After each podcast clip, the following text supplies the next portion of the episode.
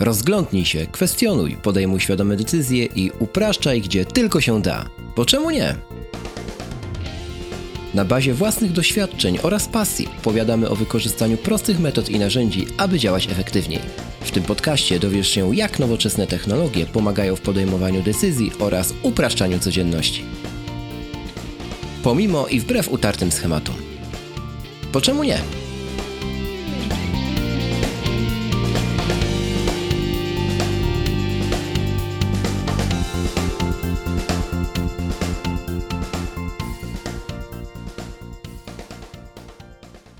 Dobry, Rafale. Cześć Krzyśku! Witamy w 40. którym to siódmym odcinku. Bo Tak, czemu nie? Ja klasycznie z Wrocławia, a ty klasycznie z Krakowa. Co tam u ciebie słychać? Zacznijmy od razu od krótkiej piłki, bo tematów jest mnóstwo. Tak, Rafał, Rafał zmienił dealera, a ja powiem, że u mnie jak zwykle to samo, czyli smog. Wczoraj wysłałem Rafałowi zdjęcie, jak wygląda mój filtr Xiaomi po roku pracy i niezaglądania tam. Ja wiem, że to błąd, że tam rok nie zaglądałem, ale still. Nie chcielibyście tego widoku zobaczyć i nie załączymy do notatek. Tak, nie załączymy, bo musielibyśmy oznaczyć odcinek jako explicit, tak? Z takimi metadanymi. Dobrze, to nam e, humory dopisują, Rafale, to szybko w krótkiej piłce. Podanie do mnie było, więc przeprowadzono badanie słuchalności podcastów w Polsce. Taki trochę studzący te dobre nastroje temat, bo Storytel przeprowadził takie oto badanie, w którego wynika jednakowoż, że w Polsce mało kto słucha podcastów, to wiadomo, jak się zobaczy na jakiej próbce to było badanie robione, bo to jest oczywiście takim maciupkim druczkiem na końcu tutaj napisane, że to jest próba badawcza N równa się 10 023 internautów. A konkretnie 1023. Tysiąc? A, nie, a tysiąc faktycznie. 1023, no właśnie sobie teraz otworzyłem. No. To jeszcze lepiej, 1023. Więc jakby na tych 1023 osobach, pomijam, że średnio odcinka słucha więcej na przykład naszego podcastu, no ale to już pomińmy. Wyszło tym właśnie panom i paniom z Storytela, że 26% osób w wieku 19-29 lat słucha podcastów i to jest największa grupa wiekowa. Znaczy 26% internautów. Internautów, nie osób. Tak. Tak, to nie dziwi. Większość podcastów ma taką chyba grupę wiekową, tak mi się wydaje teraz. Z takich bardziej odkrywczych rzeczy w ogóle w tym całym raporcie, bo bardzo dużo tu jest oczywistości, jak się, jak się tworzy podcast, to ten raport niewiele wnosi. Natomiast z takich bardziej niecodziennych, to ci mieszkańcy wsi mnie zainteresowali. Nie, żebym coś tutaj miał do mieszkańców wsi, tylko jakby ciekawe mnie, jak oni to zbadali. W sensie, jak sklasyfikowano miasta, że wyszło, że 14% mieszkańców wsi słucha podcastów. W sensie, kompletnie nie rozumiem, po co ta dana się tutaj znalazła. W ogóle cały raport mało wnosi. Nie wiem, czy twoim zdaniem też. No, według mnie mało wnosi, bo te dane są tak, po pierwsze są tak do siebie zbliżone, że aż trudno w nie uwierzyć. Po drugie, y, tu nie ma żadnej danej takiej, która by nie była ogólnodostępna. Masz takie wrażenie? No też, mnie przede wszystkim by interesowały, mogą być nawet te dane, ale jak one się zmieniały w przeciągu ostatnich lat. Czyli Dokładnie. jak jest tempo wzrostu liczby ludzi, która słucha podcasty. Nie? Tak. A tu mamy gołe dane, które równie dobrze można na grupie na Facebooku dowolnej o podcastach dostać. Więc jakby słabo. Fajnie, że ktoś robi te, te badania w ogóle, tylko że pasowałoby to zrobić tak od A do Z. No, może kiedyś ktoś się podejmie takiego dużego naprawdę badania na większej grupie niż tysiąc osób. Naprawdę myślałem, że to jest 10 tysięcy, grubo. No dobrze. Drugi temat, od razu pozostając przy głosie. LG wypuściło nowy monitor. Ten monitor to jest e, monitor 5K, dedykowany w sumie Macom, ale nie wygląda tak jak Ultrafine i, i to jest jego zaleta, bo nie ma tych dużych, czarnych, brzydkich ramek. Natomiast ma 32 cale, obsługuje właśnie rozdzielczość, A nie 34? przepraszam, 34 cale, tak, 34. 34 i proporcje 21 Dokładnie, na 9, dokładnie czyli tak. taki mega szeroki. Mega szeroki i bardzo ładny design ma, bardzo, bardzo ładny. W ogóle ma opcję pivota, więc to jest mega Pivota ma opcję te, taki, pivota. Taki tak. monitor, to musisz mieć wysoki sufit chyba. no Dokładnie. Nie? Dokładnie. Więc to w ogóle jest ciekawe. Jego model to 34WK95U, jakby ktoś pytał. I całość jest o tyle ciekawa, że jest niezakrzywiony. To nie jest monitor taki właśnie jak robi Samsung na przykład, dziwny, tylko no normalny, zwykły, prosty monitor. Tylko po prostu z tym układem takim bardziej horyzontalnym, panoramicznym. O, tak powinienem był powiedzieć. Dla montażystów wydaje mi się, że super, dlatego że też ma bogactwo portów. Ma dwa porty Thunderbolt, z tego co tutaj widzę na tyle.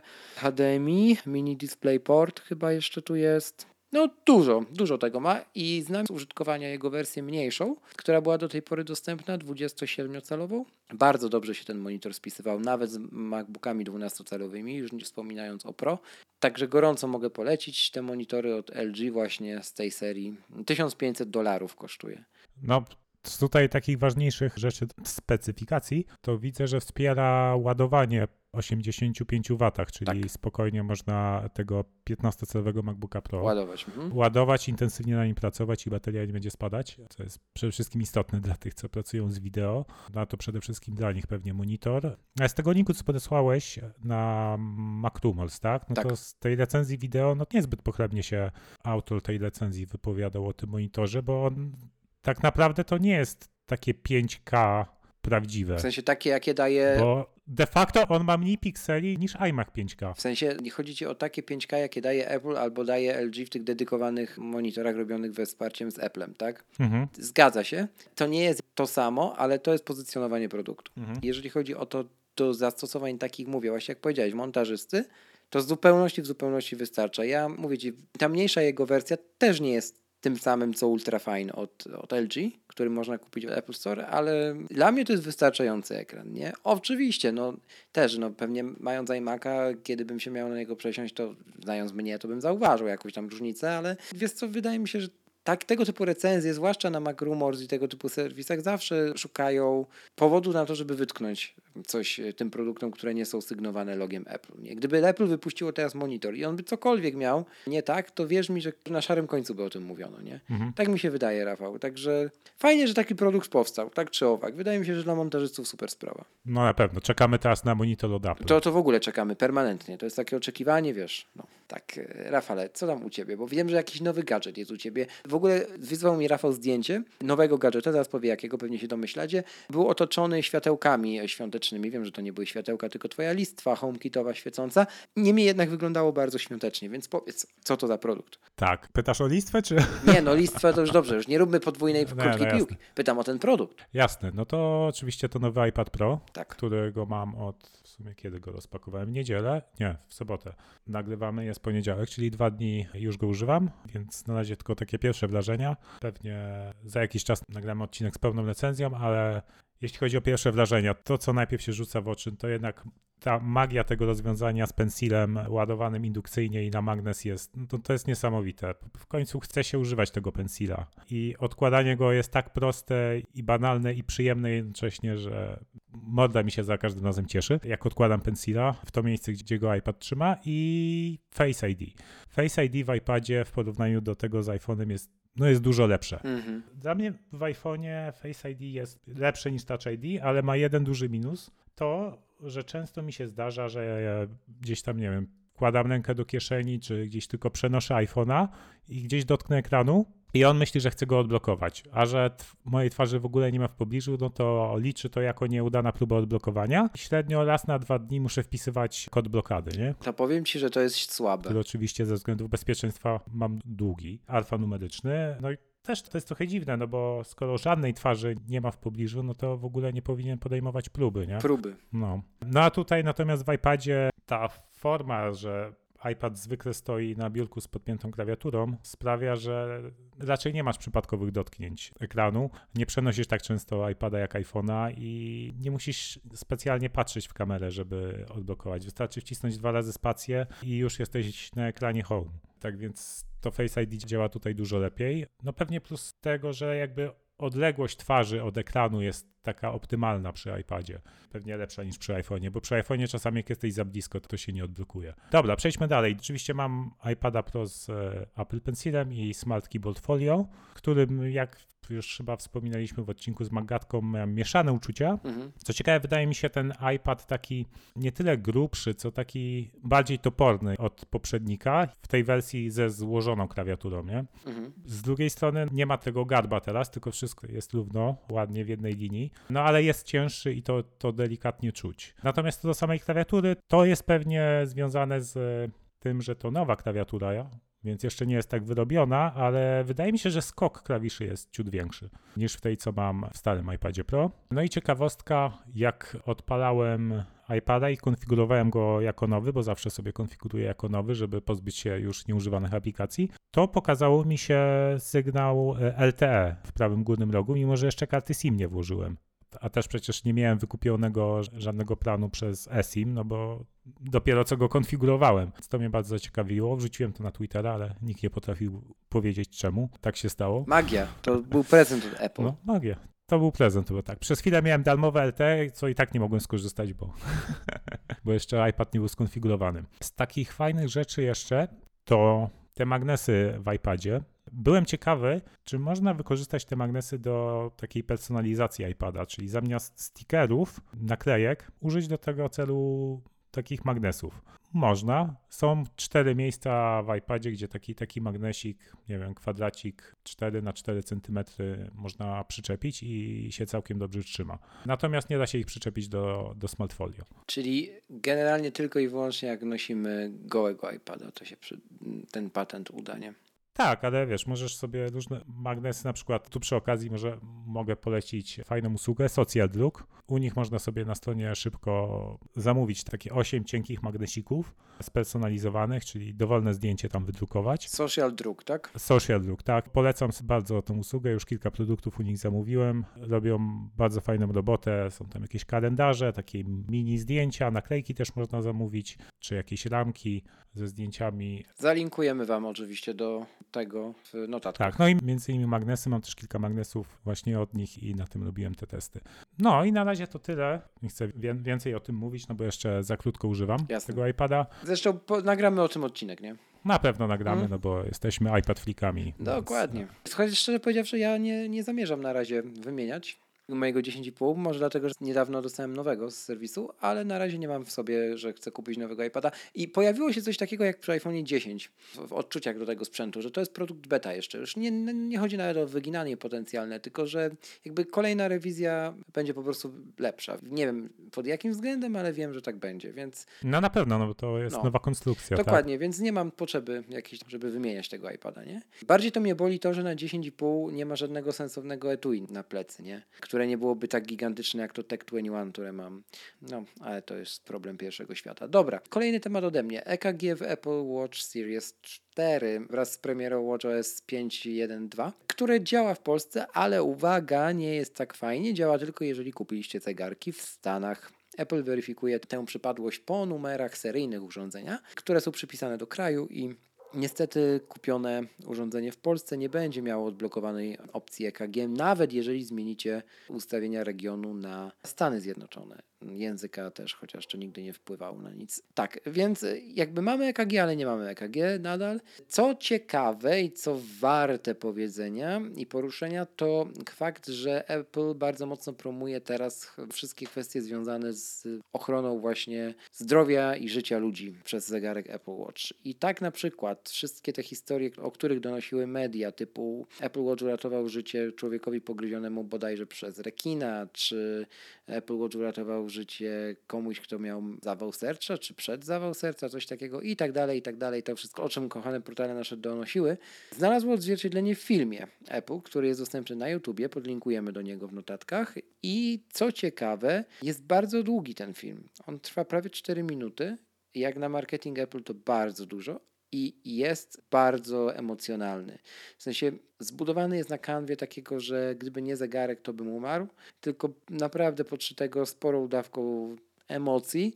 Mnie się podoba, podoba mi się, że pokazali wprost, że to urządzenie potrafi komuś uratować życie, natomiast samo EKG, no, według mnie było wiadomo, że Apple nie puści tego w taki jakiś sposób właśnie, że ktoś sobie zmieni region. Mhm. Potrzeba zgody, to jest urządzenie medyczne, przypomnijmy, kraje muszą przeprocesować i zatwierdzić jako takie właśnie urządzenie u siebie i to się nie wydarzy inaczej, tak? Więc musimy po prostu uzbroić się w cierpliwość, będzie jej nam dużo potrzeba, o ile znam Polskę i Europę. No ale cóż, czekamy. Może kiedyś się doczekamy tego EKG. Urządzenia, które to obsługują, de facto mamy. Natomiast coś mi się wydaje, że dawno już nie będę miał Series 4, kiedy wejdzie obsługa EKG. No byś się mylił, no bo jednak w opisie produktu na stronie Apple w wersji polskiej jest zapis, że ma ten czytnik EKG. A to zapis musi być, no bo, bo ma, to jest specyfikacja, nie? No tak, ale tam powinna być gwiazdka przy tym, nie? A nie wiem, czy Tylko jest. nie ma A chyba. może jest. Nie masz chyba dodatkowo zapisu też, że dostępny w Polsce wkrótce. W ogóle nie ma, że dostępny w No. Europie wkrótce zapisu, więc raczej mogę się nie mylić, niestety. A a propos WatchOS 5.1.2 masz, wiem, jedno spostrzeżenie, Rafał, tutaj wtrącone do krótkiej piłki. Tak, w centrum sterowania pojawił się skrót do szybkiego włączenia, włączenia walkie-talkie. Bo już chyba gadaliśmy o tym we wrześniu, czy, Jakoś tak. czy w październiku. Tak, w październiku po pierwszych wrażeniach z Apple Watcha, że, że to walkie-talkie potrafi zjadać baterię. Więc tutaj mamy szybki skrót do, do włączenia, wyłączenia, tak, jeśli potrzebujemy używać. Dokładnie tak. Okej, a jak już jesteśmy przy Apple Watchu i nowym WatchOSie 5.1.2, to powiedz Krzysiek, jak tam dalsze twoje testy ładowarki Baseus, którą kupiliśmy niedawno. No właśnie, z którą niby był skandal mały, a tak naprawdę sytuacja się stabilizuje. Otóż nie jest jeszcze tak, że za każdym razem ten zegarek na rano ma 100%, tak jak to na zwykłym kablu od Apple, ale ładuje ten zegarek normalnie na tej ładowarce, nic się mu nie stało. iPhone to się w ogóle ładuje bezproblemowo na niej. No dalej jest tak, że musi być i iPhone i zegarek, żeby się ładował zegarek dłużej niż kilka minut, ale uwaga, jeśli już to następuje, to jest po prostu tak, że zakładamy, że o 12 pójdę spać, o północy, tak? Nie wiem, niech tam budzik zadzwoni na piątą, no to tam do tych 90% ten zegarek się naładuje. To jest wolno, racja, ale wystarczająco. No problem jest wtedy, kiedy, nie wiem, jest na przykład tryb Netflix i idziesz spać później niż od północy. Wiem, że tobie się to nie zdarza, ale Mhm. e, mnie się zdarza, więc... Ale to jest dziwne, bo zegarek przecież bardzo szybko się ładuje. Dokładnie, na, na tej standardowej ładowarce, nie? A Mhm. tutaj ciurka po prostu to, to bardzo A może jest tak, że się ładuje do 100% i przestaje i potem spada po prostu Nie, nie to, no, no to by nie spadł Nie? aż tyle. Nie, nie, nie, nie, coś w stanie nieużywania, coś. O nie, ale dobra, bo słuchacze może nie wiedzą. Generalnie kupiliśmy sobie z Krzyśkiem ładowarkę firmy Baseus. To jest ładowarka indukcyjna. Jednocześnie potrafi ładować Apple Watcha i, i iPhone'a. No i po kilku dniach okazało się, że Apple Watch nie do końca się ładuje do, do tych Mhm. 100%. Ja póki co nie używam tej ładowarki. Krzysiek się podjął testowania dalszego, Mhm. jak to wygląda. Była plotka, że być może właśnie WatchOS 5.1.2 naprawi ten problem. Nie wiem, czy masz jakieś obserwacje po update'cie przez ostatnie 2-3 dni? Mam Czy coś się zmieniło? nic. Nic. No właśnie. Co ciekawe, ja też przeglądałem w tym tygodniu podobne produkty, bo wydawało mi się, że nie ma, nie ma takiego produktu, że wszystkie takie standy do ładowania Apple Watcha musisz podpiąć ten kabel, co masz w zestawie do Apple Watcha, ale okazuje się, że jednak jest kilka takich produktów. I ostatnio też nawet jeden pojawił się w Apple Store od Belkina, Boost Up, mega drogi, ale bardzo fajny podobno. Bardzo ładny przede wszystkim. Mhm. Czyli mówisz, że ta ładowarka nie ładuje do 100%, ale, Ale ładuje. biorąc pod uwagę i, ile ona kosztowała, No, dokładnie. porównując na przykład do, do ceny Boostapa Belkina, tam jest chyba 599 albo 699 kosztuje Belkin, a Baseus 129 w Think Store. No dokładnie. Więc e, chciałbym tylko nadmienić, że ta ładowarka nie może uszkodzić waszych sprzętów. Nie jest to możliwe, posiada szereg zabezpieczeń, natomiast na pewno może je ładować wolniej. Znaczy, może. Będzie je ładować wolniej. Chociaż z prędkości ładowania iPhone'a jestem zadowolony. Jakby do 100% ten telefon bez żadnych przerw, bez żadnych skoków, bez niczego ładuje się po prostu jak na każdej innej drogiej ładowarce indukcyjnej. Także tutaj szapo badla dla tej firmy, bo, bo zrobili kawał dobrej roboty. No szkoda, że z tym ładowaniem zegarka nie jest do końca kolorowo, natomiast jest podejrzenie, że dotyczy to tylko Series 4. Nie mam jak tego przetestować, ale doszły mi już słuchy, że z poprzednimi generacjami Apple Watcha nie ma takich problemów w ogóle, więc ciekawe. No nic, będę obserwował, będę jeszcze komunikował, jak się coś w tej kwestii zmieni. No dobra, jeśli chodzi o zegarek, to jeszcze taka mała rzecz, a właściwie to mała rysa, która się mm, pojawiła y, na nim. Ja zawsze o tych rysach, bo gdzieś to jest tam pewnie ze mną wiązane, więc y, tak, rysa się pojawiła, pojawiła się podczas treningu, tym razem jest ona jednakowoż umieszczona na zaokrągleniu w prawym dolnym lo- rogu zegarka, także nie jest ona widoczna w żaden sposób, jakiś taki, wiecie, że żebym nie mógł na to patrzeć, a już na pewno nie jest widoczna na podświetlonym ekranie, więc mogę żyć. Co innego jak Uf. Rafał, nie? Całe szczęście. Jak miał ja taką rysę jak Rafał, to wiecie, to ja, ja już umarł. To... Ale ja wiem, to się leczy. Rafał już zmienia dealera, ja wkrótce też zmienię. Będzie dobrze. A tymczasem, żeby było dobrze, to możemy przejść chyba, Rafał, do tematu odcinka, bo dzisiaj będzie bardzo praktycznie. Tak myślę. I porozmawiamy sobie o kupowaniu używanych sprzętów, bądź nowych, ale z drugiej ręki. A ty masz w tym, Krzysiek, dość spore doświadczenie. Tak jakby. Ja niekoniecznie, ja prędzej sprzedaję sprzęty na takich serwisach, tak więc myślę, że będzie ciekawa rozmowa. Zapraszamy do odcinka.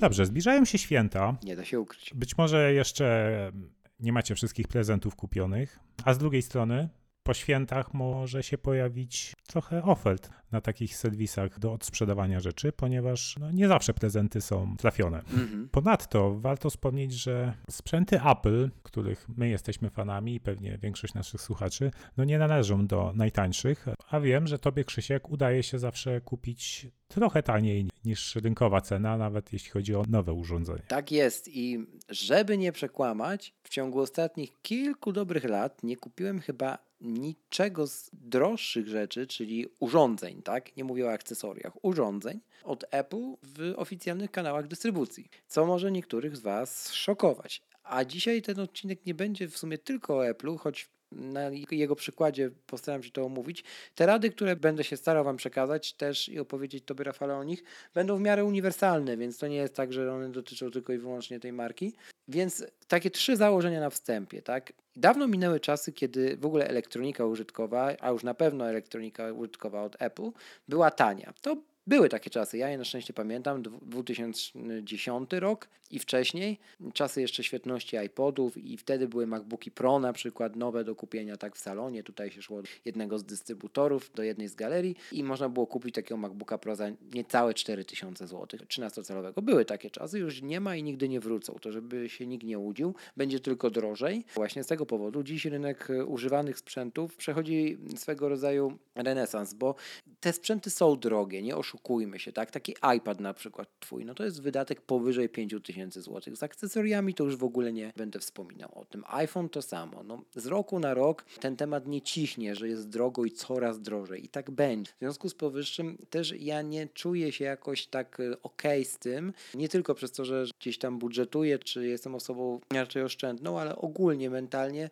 nie czuję się ok z tym, żeby wydać tak dużą sumę pieniędzy na, na telefon czy na tablet, nawet uwzględniając kwestię tego, że to jest narzędzie mojej pracy. Dlaczego teraz? No bo z, wiem, że można trochę zaoszczędzić i to czasem sporo. Te rady, które dzisiaj gdzieś tam Wam zostawię, pozwalają tak nawet oszczędzić do 2000 zł na zakupie jednego urządzenia, więc nie jest to mało, mi się wydaje, a na pewno jest to na tyle dużo, żeby poświęcić dodatkowych kilka godzin na poszukiwanie i uzbroić się w cierpliwość właśnie po premierach rynkowych nowych produktów. No dobrze, Krzysiek, to gdzie szukasz takich sprzętów? Właśnie, zaczniemy to od tego, gdzie szukam. Jak dobrze już też wiesz, nie, to ja mhm. najczęściej uderzam na taki serwis, który nazywa się OLX.pl.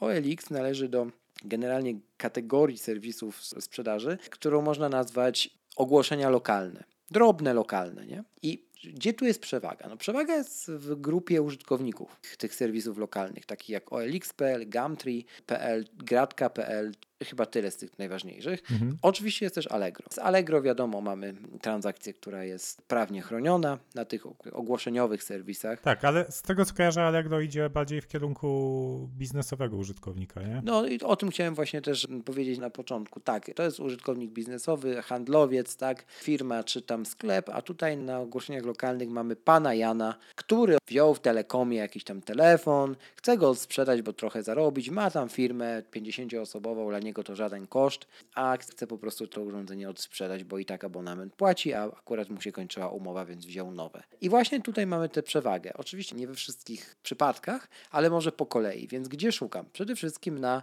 portalach ogłoszeń lokalnych, czyli OLX.pl na pierwszym miejscu, potem Gumtree.pl i na końcu Allegro. No widzisz, ja, jak Gratka.pl w ogóle nie kojarzę na przykład, mhm. a Gumtree to mi się kojarzy w czasie studiów mieszkania tam. Koledzy zawsze szukali do wynajęcia. Tak. Natomiast kluczowa sprawa w temacie w ogóle poszukiwania używanych sprzętów nie dotyczy miejsca, gdzie ich szukamy, tylko sposobu, jak ich szukamy. Bo to, co najczęściej ogranicza nam dostęp do tych ofert, to jest sposób, w jaki my wpisujemy poszukiwany produkt. Na przykład szukam iPhone'a 10, wersja 256 GB, kolor silver z polskiej dystrybucji, tak? I piszę dokładnie tak w wyszukiwarce. To nie jest dobry trop. Mhm. To, co ja radzę, to wpisywać najprościej jak się da, czyli jak szukamy iPhone'a, wpisujemy samo iPhone.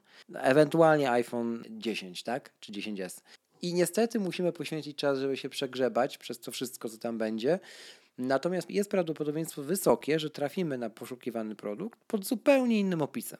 Skąd to się bierze? Ano właśnie z grupy użytkowników danego serwisu. Na OLX-ie nie mamy profesjonalnych wystawców, nie mamy sklepów, nie mamy galerii handlowych, nie mamy marketów z elektroniką, Mhm. takich jak normalnie w galeriach. Mamy zwykłych ludzi. I ci zwykli ludzie czasami dostają prezenty, jak Rafał wspomniał na początku. Ja tak miałem na przykład z AirPodsami. Swoje AirPodsy kupiłem za nieco ponad 400 zł, chyba 415, razem z wysyłką już, od pana Ryszarda, który dostał je od syna. Pozdrawiamy. Pozdrawiamy, jak tego słucha raczej nie. I nie wiedział za bardzo, co dostał, ale wiedział, że to jest do Apple'a, no i zrobił fotki, wystawił na OLX-ie. Widać było już na tych zdjęciach, że, że to są słuchawki nowe, że jest folia na pudełku, zresztą w opisie też było to napisane. Zaraz przejdziemy przez ten przypadek i w jaki sposób ja zweryfikowałem prawdziwość tego produktu i zanim dokonałem zakupu. Natomiast w taki sposób właśnie zdobyłem innymi w ostatnim czasie AirPodsy.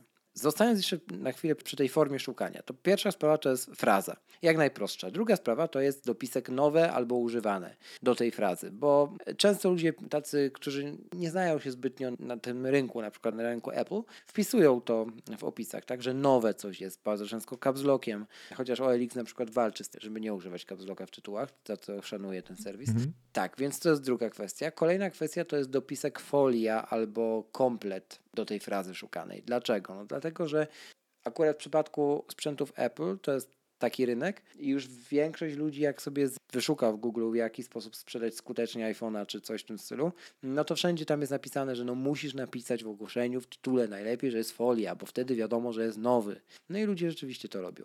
Ja tak kupowałem iPhony i rzeczywiście w tych ogłoszeniach było folia w tytule. Kolejna kwestia to jest dopisek dystrybucja. Dystrybucja polska na przykład, czy coś w tym stylu. Ja do wszystkich tych rzeczy odniosę się później, jak będziemy omawiać poszczególny przypadek. Ale czekaj, dystrybucja, bo folia i nowe używane, no to jeszcze rozumiem, że taki właśnie pan Ryszard, który może nie do końca się zna na sprzęcie, może coś takiego wpisać, ale czy ktoś będzie wpisywać, że z dystrybucji polskiej? To już osoby, które bardziej się orientują w rynku Apple na przykład, ale tak, będą takie dopiski i to się wiąże między innymi z pochodzeniem tego produktu, jeśli chodzi o operatorów, albo jeśli chodzi o wczesny etap po premierze produktowej, nie? Mhm. Tam, nie wiem, pierwszy tydzień po premierze w sklepach za oceanem, gdzie w Polsce w ogóle tego produktu jeszcze nie ma, nie? To żeby się nie naciąć, to warto sprawdzać, jaka to jest dystrybucja. No, między innymi, choćby biorąc pod uwagę telefony ze Stanów, też są przywożone do Polski, tak? A wiemy, jak jest z baterią, jeżeli chodzi o iPhony ze Stanów, nie? Jak ktoś nie wie, to jest tak, że bateria trzyma krócej, bo inne częstotliwości są sieci komórkowych i iPhone musi cały czas po prostu zmieniać te częstotliwości. No i też nie wiadomo do końca, jak jest z gwarancją, nie? Dokładnie tak. Jeśli chodzi o kategorie produktów, no to tutaj serwisy coraz bardziej dbają o to, żeby iPhone znajdował się w kategorii iPhone, inny produkt w odpowiedniej dla niego, natomiast nie jest to jeszcze standardem, takim jak na Allegro, więc tutaj możecie trafić na przeróżne e, ulokowanie szukanego produktu. Przykład Apple TV jest najlepszy tutaj, tak? Apple TV może być w telewizorach, może być w konsolach, może być w przystawkach do telewizorów, tam gdzie w sumie W powinno akcesoriach? w akcesoriach, w iPhone'ach, w różnych rzeczach, w kategorii ogólnej Apple, więc generalnie dlatego nigdy nie ustawiajcie jakoś filtracji ograniczenia do danej kategorii, bo w przypadku serwisu z ogłoszeniami lokalnymi to Wam nie pomoże. Filtry ceny, no to jest wiadomo, warto sobie ich używać wszędzie zresztą. Filtry sposobu dostawy, tutaj nie każdy te opcje zaznacza, właściwie zaznacza ją mniejszość, więc tutaj trzeba negocjować na żywym organizmie, za chwilę powiem jak. No i filtr nowe używane na Allegro to wiadomo, no i odległość też wiadomo, bo jeśli ten produkt jest w Gdańsku, to może być z dostawą różnie. Okej, to ja mam do tego kilka pytań, Krzysiek. No to dobrze, okej. Zanim przejdziemy do najważniejszej sporet w sumie. Dobrze, jak na przykład jak szukałeś AirPodsów czy iPhone'a 10s, bo iPhone'a 10s też kupiłeś na, na takim serwisie, z tego co Tak. kojarzę, tak, tak. To jak wyszukiwałeś, to wpi- wpisałeś właśnie, nie wiem, iPhone 10s i robiłeś kilka wyszukiwań z tymi dopiskami, na przykład iPhone 10s nowe, potem iPhone 10s folia, czy wszystko naraz wpisywałeś, czy jak, jak to wygląda u ciebie wtedy? Wpisywałem akurat od razu wtedy iPhone 10, bo to było zaraz po premierze. iPhone 10 y, 256, potem zawęziłem iPhone 10s 256 i to już wystarczyło. W moim przypadku. To się wzięło z powodu tego, że było bardzo wcześnie po premierze, więc tych telefonów było bardzo mało na ogłoszeniach Mhm. i znaleźć kolor silver, na którym mi zależało, nie było tak trudno, bo liczba podstron z wynikami wyszukiwania sięgała maksymalnie trzech. To, Ciężko było krótko po premierze znaleźć nie nowy telefon, nie? to już w ogóle inna kwestia. To wystarczyło w moim przypadku. No i ja mogę powiedzieć, jak generalnie wyglądał ten proces kupna iPhone'a 10s i AirPodsów zresztą wyglądał bardzo podobnie. Znajduje, prawda, urządzenie. Urządzenie ma napisane, że to jest urządzenie tam wzięte od operatora XYZ. W abonamencie dystrybucja polska, nowy, nieużywany. No i cena jest akurat w przypadku iPhone'a, tego, którego ja kupowałem, była niższa od ceny w Apple Online Store, tak? Była niższa o 1600 zł ponad. Mhm. Za telefon taki sam. Miał folię na pudełku, zdjęcia tej folii na pudełku były dobrze zrobione, w ogóle zdjęcia były dobrze zrobione, były to zdjęcia makro, więc było widać, że, że ta folia jest nienaruszona rzeczywiście. No i jaki jest następny krok? Dokładnie to samo było w przypadku AirPodsów. Jaki jest następny krok?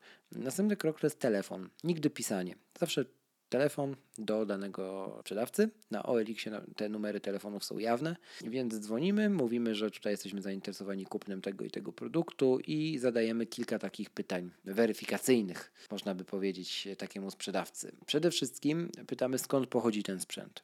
Czyli czy został kupiony w Polsce, żeby się jeszcze upewnić, jeżeli został kupiony w Polsce, to w abonamencie najczęściej, tak jest, to czy został kupiony na firmę, czy na osobę prywatną. Dlaczego o to pytać? Ano dlatego, że jest różnie z gwarancją. Mhm. Jeżeli kupowany jest sprzęt na osobę prywatną, mamy pełne dwa lata gwarancji, czyli rok rękojmi i rok międzynarodowej gwarancji Apple. Natomiast jeżeli jest kupowany sprzęt na firmę, to mamy tylko rok międzynarodowej gwarancji Apple. Nie mamy już gwarancji rękojmi, co jest bardzo To istotne. nie jest tak, że rękojmia jest rok, tylko rękojmia to jest coś, co obowiązuje sprzedawcę Mhm. i ona obowiązuje dwa lata od daty zakupu nowego sprzętu. Natomiast gwarancja Apple, no to to jest gwarancja producenta, tak? I jeśli na przykład kupisz nowy sprzęt u jakiegoś sprzedawcy i będziesz go reklamować, to możesz e, powiedzieć, że reklamujesz z tytułu rękojmi. I teraz to, czy sprzedawca jakby odeślę go do producenta, bo jeszcze jest na gwarancji, to to już jest jego wybór. Tylko, że pamiętaj, że jeżeli jesteś firmą, to nie masz tak samo. Tak, No właśnie. otóż to. Dokładnie, o tym mówię. Dlatego warto kupować od osób prywatnych. Paradoksalnie, bardzo często od osób prywatnych te telefony też są tańsze. No bo to są osoby, które po prostu sprzedają je z dobrego serca, mówiąc najprościej, albo mają inne powody. Więc tak, pytamy skąd pochodzi. Kolejna sprawa, jeszcze raz upewniamy się, czy ma folię na pudełku, czy tej folii nie ściągnięto. Jeżeli na e, ogłoszeniu lokalnym nie ma zdjęć, na których widać dobrze, że ta folia jest, prosimy o przesłanie takich zdjęć makro na e, maila. Jeżeli sprzedawca nam odmówi, szukamy innego sprzedawcy. Tutaj nie ma zmiłuj i nie ma negocjowania. Czy dużo osób pytało dziś o ten produkt? Takie pytanie można zadać sprzedawcy. Po co się je zadaje? Ano po to, żeby zorientować się, czy, czy człowiekowi w ogóle zależy, żeby go sprzedać. Ja zawsze trafiam, jako mam chyba takie szczęście, na uczciwych sprzedawców i bardzo często spotkałem się z taką odpowiedzią, że nie, proszę pana, nikt jeszcze nie pytał, a w ogóle to w sumie to mogę poczekać z tą sprzedażą, ale jakby się ktoś... No i tutaj już mamy zweryfikowaną osobę, że ta osoba jest szczera po prostu. To jest takie pytanie weryfikujące szczerość też. Wysyłka za pobraniem. No to jest najbardziej newralgiczny punkt kupowania na Elixie zwłaszcza, Mhm. bo bardzo mało sprzedawców godzi się na wysyłkę za pobraniem. Ale jak się już godzą, to jest prawie 100% pewności, że oni są uczciwi. Mnie nie zgodził się tylko raz sprzedawca na wysłanie za pobraniem.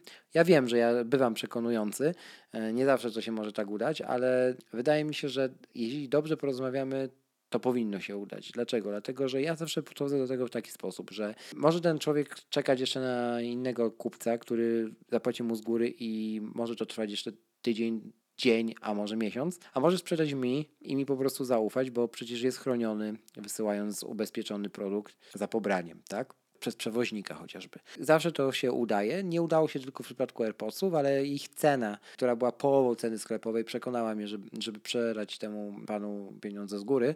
Zresztą weryfikację ten człowiek przeszedł super pozytywnie, więc tutaj jakby nie obawiałem się w żaden sposób. Zresztą na drugi dzień te słuchawki zostały do mnie wysłane. Jeszcze pan dopytywał, czy dotarły całe i zdrowe, więc y, jak widać, naprawdę można trafić na uczciwych sprzedawców na tych serwisach i nie ma się czego obawiać, jeśli ich zweryfikujemy. Dalej o tej weryfikacji. To jest kolejna rzecz, wysyłka za pobraniem. Zawsze ta wysyłka musi być ubezpieczona, zwłaszcza jak kupujecie coś drogiego.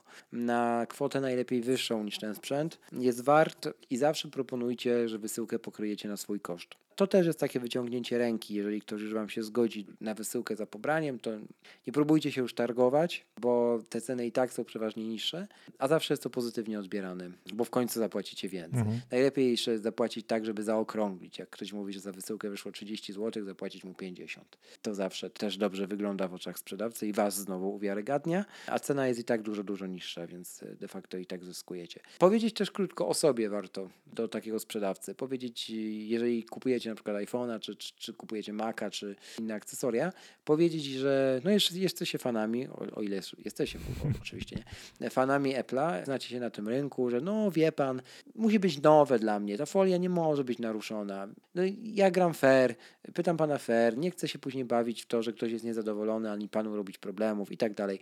To zawsze działa. Wierzcie mi, że to zawsze działa. Nawet, nawet na mnie to zawsze działa. Jak ktoś dzwoni do mnie, bo ja też jak sprzedaję sprzęt, to wystawiam przeważnie na ogłoszeniach lokalnych. Tak też sprzedałem komputery, sprzedałem swoje MacBooki i tak dalej. I to zawsze działa. Szczerość generalnie buduje najlepsze relacje.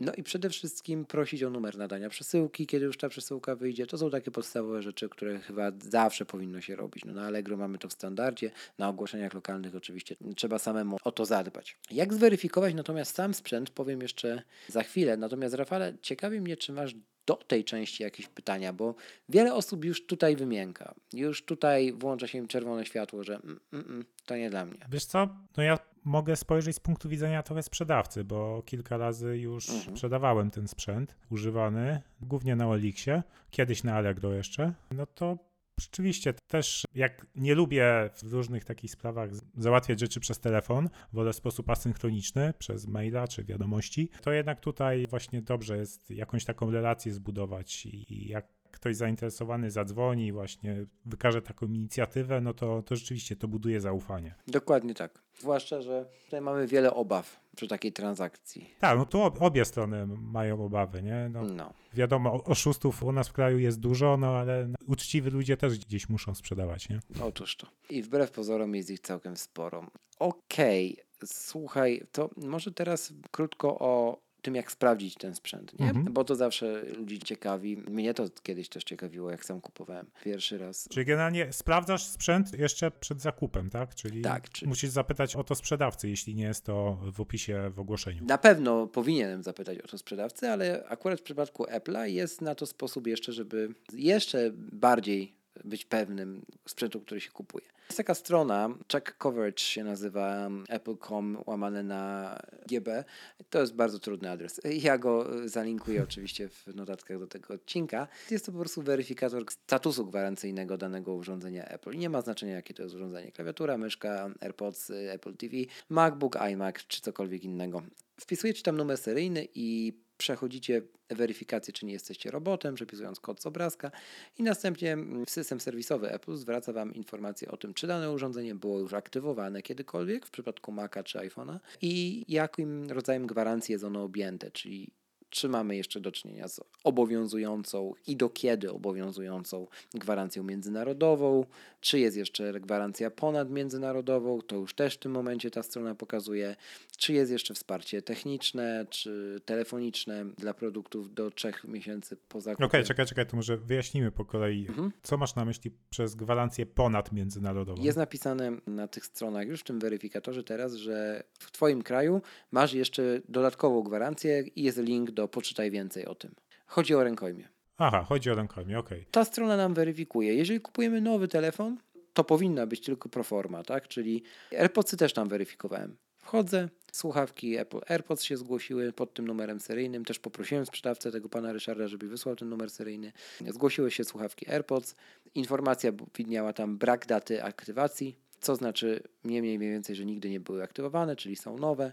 Tak, i co jeszcze się tam zgłosiło? Informacja, że objęte pełnym pakietem gwarancyjnym, tak? To też będzie pokazane, jak jaki sprzęt ma przedłużoną gwarancję Apple Care? Jak najbardziej. Jest pozycja osobna, wtedy pokazuje się Apple Care, jest podana do, jest data wygaśnięcia Apple Care. No okej, okay, no i ta data aktywacji jest tak naprawdę najważniejsza, jeśli chodzi o gwarancję od Apple, nie? No tak. Bo to od niej się liczy, czyli to jest ciekawe, bo tak naprawdę jeśli taki pan Ryszard kupił znaczy jego syn kupił mu AirPodsy, no to rękojmia leci od daty sprzedaży, Dokładnie. a gwarancja Apple'a zaczyna się od daty aktywacji sprzętu. Mało tego, bardzo często i w moim przypadku tak jest, zaczyna się od daty, którą ty sobie wpiszesz na tej stronie gwarancyjnej, o czym bardzo mało osób wie. Istnieje błąd w systemach Apple, który nie wpisuje tej daty aktywacji. W przypadku moich AirPodsów tak właśnie jest. Ja mógłbym sobie ją wpisać dzisiaj, na dzień 10 grudnia i od dzisiaj mam rok gwarancji, mimo że słuchawki są aktywowane. Jak mógłbyś wpisać? Mógłbym wpisać. Jest wprowadź datę.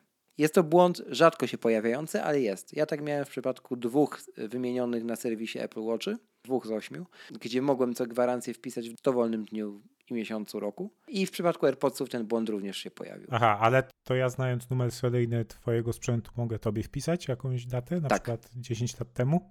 Nie, no tylko w przód możesz. No, no, od daty dzisiejszej. A. Nie, no tylko właściwie datę. A właśnie nie wiem, ile lat wstecz możesz wpisać. Ciekawe. No, to jest ciekawe w sumie. Znaczy, to jest tylko jeśli rzeczywiście nie ma tej daty Tak, aktywacji, tak, tak, ale tak, czysto hipotetycznie mógłbyś zrobić tak, żebym nie miał w ogóle żadnej gwarancji. No. No a Krzysiek, czy byłeś dobrym obywatelem i zgłosiłeś ten błąd? Oczywiście, że tak. Pytałem pani kiedyś, jak kupowałem, przypadkiem oczywiście, pytałem przypadkiem, jak kupowałem Apple Care do chyba iPada albo iMac'a, o to, dlaczego tam mi się taki ten i pani powiedziała, że no bo tam, żeby, żeby yy, i zaczęła się miotać i ja powiedziałem, bo to chyba błąd jest. A ona mówi, nie, nie, nie, to tak, tak, zgłosimy tam do działu technicznego. Sześć miesięcy później dalej ten błąd jest, więc no. Natomiast pani mnie uspokoiła wtedy, powiedziała, że proszę Hmm. spokojnie wpisać sobie dzień, w którym faktycznie pierwszy raz pan uruchomił ten sprzęt. Okej, więc no wiadomo, że oczywiście taki wpisałem, ale taki błąd jest, już nie śmieszkujący. Co jeszcze warto powiedzieć o tych stronach weryfikacyjnych? Chyba tyle. To, co ważne, to też e, trzeba zapytać o kwestię dowodu zakupu. Jeżeli nawet e, sprzęt jest kupiony u operatora, no to operator zawsze wystawia fakturę przecież zakupu na ten sprzęt, czy to na osobę prywatną, czy na firmę. Kserokopia zawsze musi być dołączona do przesyłki z naszym sprzętem, przynajmniej powinniśmy o to poprosić, lub inna forma dowodu zakupu. Właśnie do rękojmi jest potrzebna ona. Co ciekawe, jeśli kupujecie tak jak ja iPhony właśnie na OLX-ach, wzięte z telekomów, to zawsze warto pamiętać o tym, że jeśli cokolwiek z tym iPhone'em stanie w ciągu tych dwóch lat, to serwisujecie nie u telekoma, nie u operatora, bo to najgorsze, co możecie zrobić, ani nie nawet w jakimś sklepie z elektroniką, w którym ktoś ten telefon kupił, kto wam później odsprzedał, tylko prosto u autoryzowanych serwisów e, Apple. Działa to już w Polsce i jest respektowane, więc nigdy nie idźcie do operatora. To najgorsze, co możecie zrobić. To znaczy, jeśli jesteście osobą prywatną. Tak, tak, jeśli jesteś osobą prywatną. Tak, tak, jak najbardziej. Mhm. Czyli co, operatorzy mają wykupioną usługę, nie wiem. Nie, operatorzy nie mają wykupionej żadnej usługi, mają swoje serwisy. I to jest błąd operatorów. No tak, ale jeśli kupujesz u operatora, to rękojmie obowiązuje operatora, a nie Apple. Zgadza się, ale w tym momencie już jest tak w Polsce, że idziesz na przykład do serwisu, nie chcę po- podawać konkretnego serwisu, do jakiegoś serwisu APR, który jest certyfikowanym serwisem Apple w Polsce, mówi, że to jest telefon od operatora i te serwisy już mają obowiązek respektować rękojmie operatorów. Aha, Tak, wszystkich o, operatorów to w Polsce. ciekawe, to nie wiedziałem. Tak, wszystkich operatorów w Polsce. I trzeba o tym wiedzieć, bo jeżeli się o tym nie wie i odniesie się do operatora, to ten telefon nie trafi do autoryzowanego serwisu. On trafi do serwisu operatora. Sami sobie dokończcie myśl, co się z nim potem może stać. Tak, okej, to ja tu jeszcze Mhm. małą anegdotkę dodam, bo generalnie sklepy internetowe czasem robią takie triki, że kupujesz na przykład płytę główną. To autentyczny przypadek. Była kupowana płyta główna na Morele i oni dają swoją gwarancję dodatkową. I oczywiście warunki tej gwarancji, ile czasu sprzedawca ma na odpowiedź, na ustosunkowanie się i tak dalej, są dużo gorsze niż to, co przewiduje prawo konsumenta w rękojmi. I skoro oni dają taką gwarancję za darmo niby, a tak naprawdę no to robią sobie przysługę, bo zwykle jak Kowalski zgłasza reklamację do sprzedawcy, no to Mhm. nie precyzuje z jakiego tytułu zgłasza. I wtedy oni to procesują tym swoim procesem dodatkowej gwarancji, Mhm. gdzie mają 28 dni na odpowiedź i tam dużo mniej Dokładnie. obowiązków niż w przypadku rękojmi. I w takim wypadku trzeba zawsze precyzować, najlepiej, żeby zgłaszać reklamację z tytułu rękojmi. Wtedy oni muszą się ustosunkować w przeciągu 14 dni. Tak jest. To bardzo dobra podpowiedź, Rafał, od Ciebie. Co jeszcze warto sprawdzić? Pamiętajmy, że to, co Ty wywołałeś, Rafał, z tą datą aktywacji. Tyczy się to wszystkich sprzętów działających w iCloudzie rzeczywiście od Apple, ale nie tyczy się Maców. Jeśli chodzi o gwarancję Maców, iMaców, MacBooków, każdego innego komputera Apple, zarówno międzynarodowa gwarancja, jak i rękojmia liczą się od daty zakupu sprzętu na fakturze, na dowodzie zakupu. nie liczą się od daty uruchomienia sprzętu. Dlatego, że Mac nie jest w stanie tego wysłać na serwer Apple'a. Więc o tym warto pamiętać. Jeżeli ktoś. Tak, bo żeby Maca uruchomić, nie potrzebujesz dostępu do iCloud chyba, nie? Dokładnie. Dlatego pamiętajmy, nie masz procesu aktywacji. Dlatego pamiętajmy, że ktoś może sprzedawać MacBooka Pro 15-calowego. Ja widziałem takie oferty. Takich ofert jest dużo na OLX na przykład. MacBooka Pro 15-calowego w najwyższej konfiguracji dostępnej na rynku za, uwaga, 6000 zł. Folia na pudełku, wszystko ok. Kupiony w Stanach Zjednoczonych. Ok, no w przypadku Maców to nie ma żadnego znaczenia w, w sumie. Ale kupiony dwa lata temu w Stanach Zjednoczonych. Hmm? Mamy odpowiedź, dlaczego cena jest tak niska. Sprawdzajcie to, bo można Oczywiście to nie, nie, nie to, że on jest kradziony czy coś, nie, nie, to jakby wszystko się zgadza. Tylko bierzecie na siebie odpowiedzialność, że nie macie gwarancji na ten komputer, tak? Więc bardzo dokładnie to weryfikujcie. Bo to wszystko, co mówimy, dotyczy sprzętów nowych tak naprawdę teraz. A co z używanymi? No w używanych do tego momentu jest wszystko tak samo. Hmm, oczywiście nie ma folii na pudle, to wiadomo. Natomiast w przypadku używanych sprzętów warto też sprzedawcy zapytać o to, poprosić go o zdjęcia wszystkiego, co sprzedaje do tego telefonu. Pudełka, akcesoriów i to najlepiej zdjęcia do wysokiej rozdzielczości makro, czyli wszystkiego, co otrzymamy potencjalnie od kuriera w przesyłce, czy tam od, od listonosza w przesyłce. Warto poprosić o screenshot. I teraz w zależności od czego, bo jeżeli kupujemy telefon iPhone z systemem iOS 12, no to wystarczy nam e, zdjęcie telefonu z wyświetlonym na ekranie ekranem żywotność baterii tak? gdzie tam pokazuje, jak, jakiej kondycji jest ta bateria. Jeżeli kupujemy z wcześniejszym systemem, co się już rzadko zdarza, no to tutaj musimy uwierzyć na słowo, jak ta bateria trzyma. Oczywiście pytamy też, jak tam z baterią jest. Natomiast dlaczego powiedziałem zdjęcie telefonu z wyświetlonym ekranem? Dlatego, że screenshot bardzo łatwo można podrobić, słuchajcie. Mm. Są nawet do tego strony, które falsyfikują screenshoty. Ja zawsze proszę, żeby ktoś zrobił zdjęcie leżącemu na stole telefonowi, na którym wyświetlony jest ekran z tymi i tymi parametrami. To samo dotyczy się Maców. W Macach informacja o cyklach ładowania jest bardzo zaszyta. Trzeba poinstruować sprzedawcę, co ma zrobić, jak ma, co ma wyświetlić dokładnie na, na, na tym Macu, żeby te informacje uzyskać. Te informacje możecie znaleźć w Google też, w jaki sposób, co tam ma ten sprzedawca wyświetlić, także nie będziemy dokładnie tutaj opisywać tego, bo też, żeby nie przedłużać, ale też poprosicie o wysłanie zdjęcia ekranu komputera, tak? Nie screenshota. Chodzi o ilość cykli ładowania baterii. I teraz ktoś zapyta, no ale jakie to są, ile to jest tak, że jest ok, a ile wszystko zależy. To jest taka odpowiedź, ja wiem, że to jest ulubiona odpowiedź prawników i projektantów, ale no innej nie mam tutaj. To zależy, iluletni komputer kupujecie i tak dalej. A gdzie się tego dowiedzieć? Również zgooglujcie sobie temat, Reddit czy nawet polskie fora kipią od tego typu wątków, więc wszystko tam się można dowiedzieć. Warto też zweryfikować zgodność numeru seryjnego na pudełku, na takiej tak zwanej naklejce znamionowej, z tym, co jest na komputerze, tak? Nadrukowane. Do tego też będziecie potrzebowali zdjęć makro produktów i pudełka i produktu od sprzedawcy. I w sumie to tyle, jeżeli chodzi o takie porady różne w przypadku używanych sprzętów względem tych dotyczących nowych sprzętów. Nic wielkiego, odkrywczego tu więcej nie, nie, nie powiem. Tak, okej. Okay. Mówiłeś o pudełkach. Ja tutaj ze swojej strony dodam, jak sprzedaję sprzęt, to zawsze zachowuję pudełko, żeby wiedzieć, jak podejrzewam, że może jakiś sprzęt będę sprzedawać, bo to jednak starałem się zawsze, jak wrzucam ogłoszenie, to zdjęcia sprzętu oraz pudełka od razu. Wydaje mi się, że to pokazujesz kupcowi od razu, że masz pudełko też na ten sprzęt, co Oczywiście. uwiarygodnia cię w oczach potencjalnego kupca, no bo raczej nie ukradłeś tego sprzętu, jak masz do niego pudełko, nie? Chociaż to różnie bywa, nie? Znaczy, to jest jedna kwestia, a druga kwestia jest taka, że akurat jeżeli mówimy o Apple już, to to jest bardzo specyficzny rynek. No ja już kiedyś przytaczałem, wcale nie anegdotę, bo to jest z życia wzięte. Tak, i to nie raz. Tak, jak sprzedawałem MacBooka swojego pierwszego, tak? No. Więc y, to nie jest wymysł. Tak, rzeczywiście warto hmm. te zdjęcia pudełek dawać. No i też warto wykorzystywać społeczność, bo tak naprawdę część sprzętów udało mi się sprzedać poprzez Twittera czy mhm. Instagrama do znajomych, czy do osób na przykład, które znają moich znajomych. Albo nie? nas słuchają, też miałem taki przypadek już. Tak, ja również. Jeśli chodzi o takie porady twitterowe, to używanie hashtaga giełda. Hashtag giełda na Twitterze działa cuda. No i oczywiście hashtag Apple, jeżeli sprzedajecie coś od Apple. Także Rafał, no tyle mogę powiedzieć o swoich magicznych sposobach na, na to, jak kupuję iPhony po 1600 zł mniej niż chce Apple, a są nowe i tak samo wyglądają jakby przyjechały z Apple Store.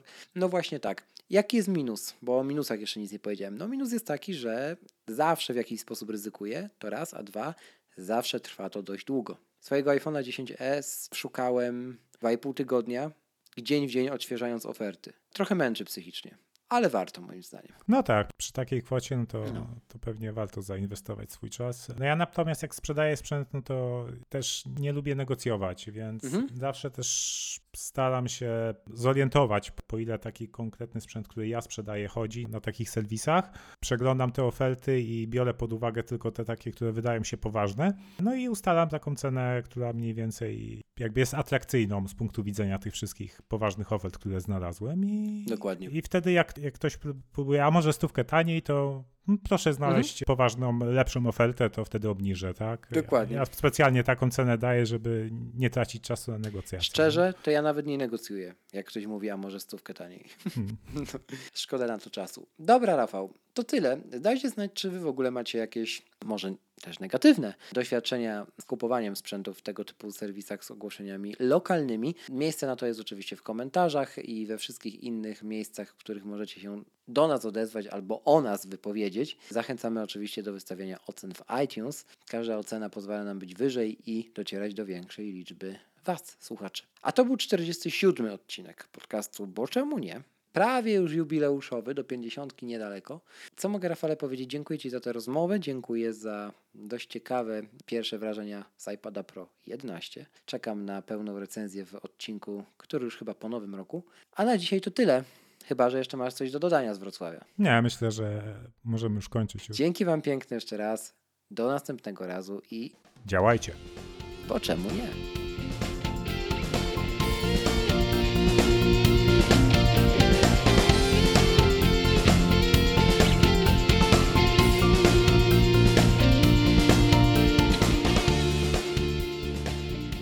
Poszło już 100, 200, nie nadążam mówić ile tych kilobajtów albo bitów, nigdy nie wiem jak to mówić. Elektro, tych, jak to się nazywa? Marketów, elekt, jak, jak to się mówi?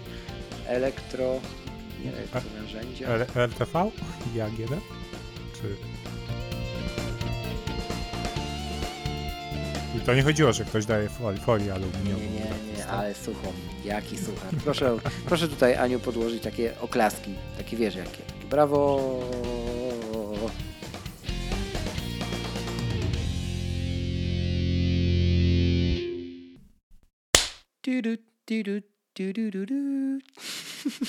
Tak, tu poleci muzyczka i co? I zaraz zaczniemy. Tak. Ale dobrego tego de- dealera zmieniłeś, powiem ci stary. Naprawdę dobrego. Tak jak, jak zaczniesz, to